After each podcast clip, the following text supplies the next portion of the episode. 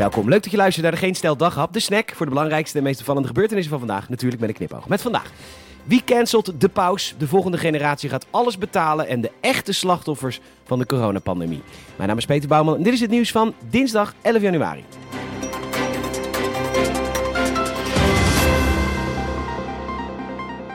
Zeg mondkapje, waar ga je heen?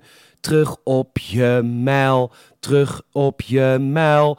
Zeg mondkapje, vind je het niet enorm stront vervelend dat ik in een best goed geventileerde ruimte, namelijk buiten, met een mondkapje moet gaan zitten? Hannes, die gaat bij het vuil, bij het vuil.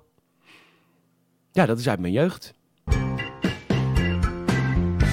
Zelfs de paus waarschuwt nu al voor cancel culture. Dat meldt de Independent. Hij is bang om gecanceld te worden, denk ik. Wat heeft hij te verbergen? Iets met homo's? Nou, naïef meneer Paus, want cancel culture benoemen is meestal al genoeg om gecanceld te worden. Ik ben niet anti-cancelicateur. Dat is ideologie Kolonazie. Nee, nee, nee, nee, nee. Wegwezen allemaal. Pauze is afgeschaft. Move along. Nothing to see hier. Kan niemand die seniele oude man even van het bordes halen?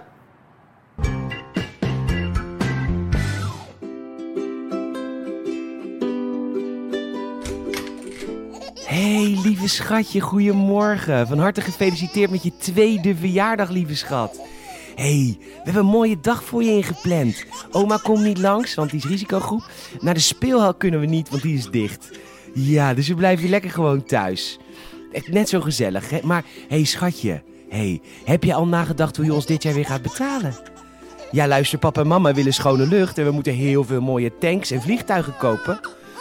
Ja, dan kun je wel een beetje gaan zitten huilen. Maar heb jij er al over nagedacht hoe jij gaat meebetalen aan de toeslagenaffaire ouders en de gasgedupeerden in Groningen? Ja, dat is niet omzien naar elkaar en vooruit kijken naar de toekomst. Nou, als dit de manier is waarop jij kiest te reageren, dan vier je je verjaardag maar in je upje op je kamer. Dag!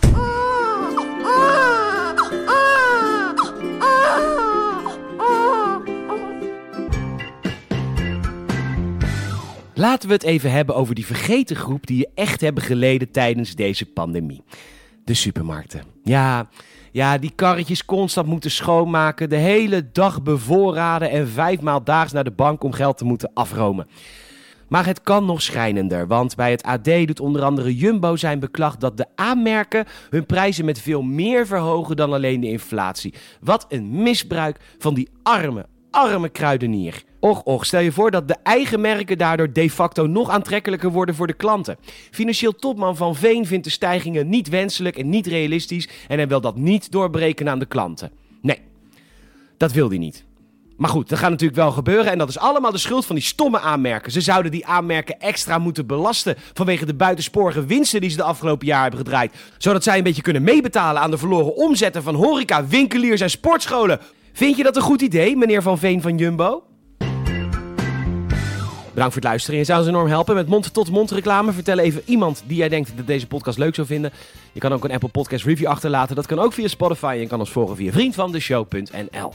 Nogmaals bedankt voor het luisteren en tot morgen.